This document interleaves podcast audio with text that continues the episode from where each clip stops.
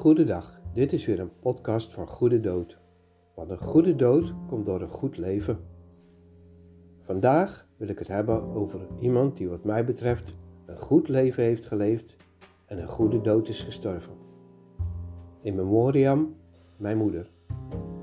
Zoals ik mijn moeder ken, was ze in elke situatie een vechter. Zij vocht als een leeuwin voor haar gezin, voor haar kinderen, familie en vrienden. Altijd was ze daar om haar kinderen en man te bemoedigen, aan te moedigen of te ondersteunen en te helpen. Om als gezin financieel het hoofd boven water te kunnen houden, ging ze werken. Zo werkte ze onder andere bij de slagerij, superretten, later voor de landbouwtentoonstelling Dordrecht en nog veel meer. Hulpvaardig en vriendelijk zette ze zich in voor vrijwilligerswerk, kerkverenigingen, buren, bekenden of gewoon zomaar. En als ze door haar zwakke gestel of omdat ze een operatie moest ondergaan, waarvan het aantal keren inmiddels niet meer op één hand te tellen is, even niet lukte, dan vocht ze zich, zodra het weer ging, naar haar plaats als ondersteuner en hulpverlener terug. Dat ondersteunen was voor mijn vrouw en onze kinderen ook dat oma graag met de kleinkinderen leuke dingen ging doen. Naar de dierentuin, de kinderboerderij, de speeltuin, pannenkoekenhuis, noem maar op.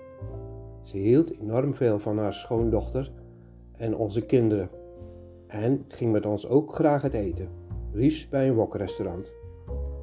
Toen mijn vader op 57-jarige leeftijd een herseninfarct kreeg, werd ze zonder mokken ook nog zijn naaste verzorgster bij alles wat ze al deed. Later, toen ze zelf hulpbehoevend werd, vocht ze om toch nog zoveel mogelijk het huishouden zelf te doen. Als ik dan belde dat we met de kinderen of alleen langs wilden komen, zei ze: Nou, doe maar niet, want ik heb niets in huis om jullie voor te zetten.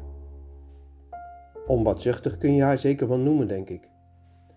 Maar als we dan toch kwamen, ondanks alle tegenwerpingen, was ze altijd heel blij dat we gekomen waren.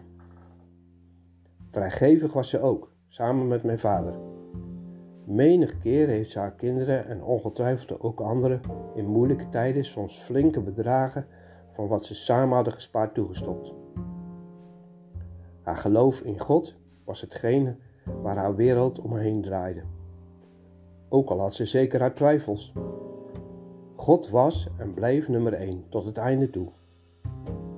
Verder wil ik hier niet te veel over uitweiden, om de dominee niet in de wielen te rijden.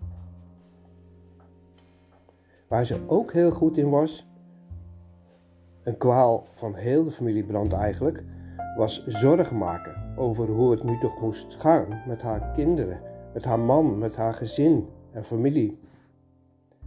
Er was, zeker voor de vrouwelijke leden van de familie Brand, altijd wel iets te vinden om je zorgen over te kunnen maken. Maar bidden was ook een van haar sterke kanten. Zo weet ik van haarzelf dat ze altijd heeft gebeden toen haar kinderen uit de kerk gingen en onder Gods bescherming uitstapten, dat ze eens terug zouden keren naar God. En God verhoorde haar gebed, zeker in mijn geval. Ze was later dan ook niet alleen moeder, maar ook op mijn vrouw na mijn beste maatje met een groot gevoel voor humor en betrokkenheid. Haar vechtlust en levenslust en ons gebed hebben haar twee keer van de rand van de dood weggehaald. En gebeurde er weer een wonder waardoor ze verder kon. Totdat haar beste vriend en levensgezel overleed vorig jaar en ze alleen kwam te staan. Ze bleef nog wel vechten, maar de overtuiging over de zin ervan was weg, door vereenzaming gedreven. Inmiddels was iedereen van haar broers en zussen overleden evenals het grootste gedeelte van haar schoonfamilie. Uiteindelijk was ze moe gestreden en haalde God zijn dappere strijdje thuis. Nou, dit was weer de podcast van Goede Dood. Als je hem leuk vond, like hem en tot de volgende keer.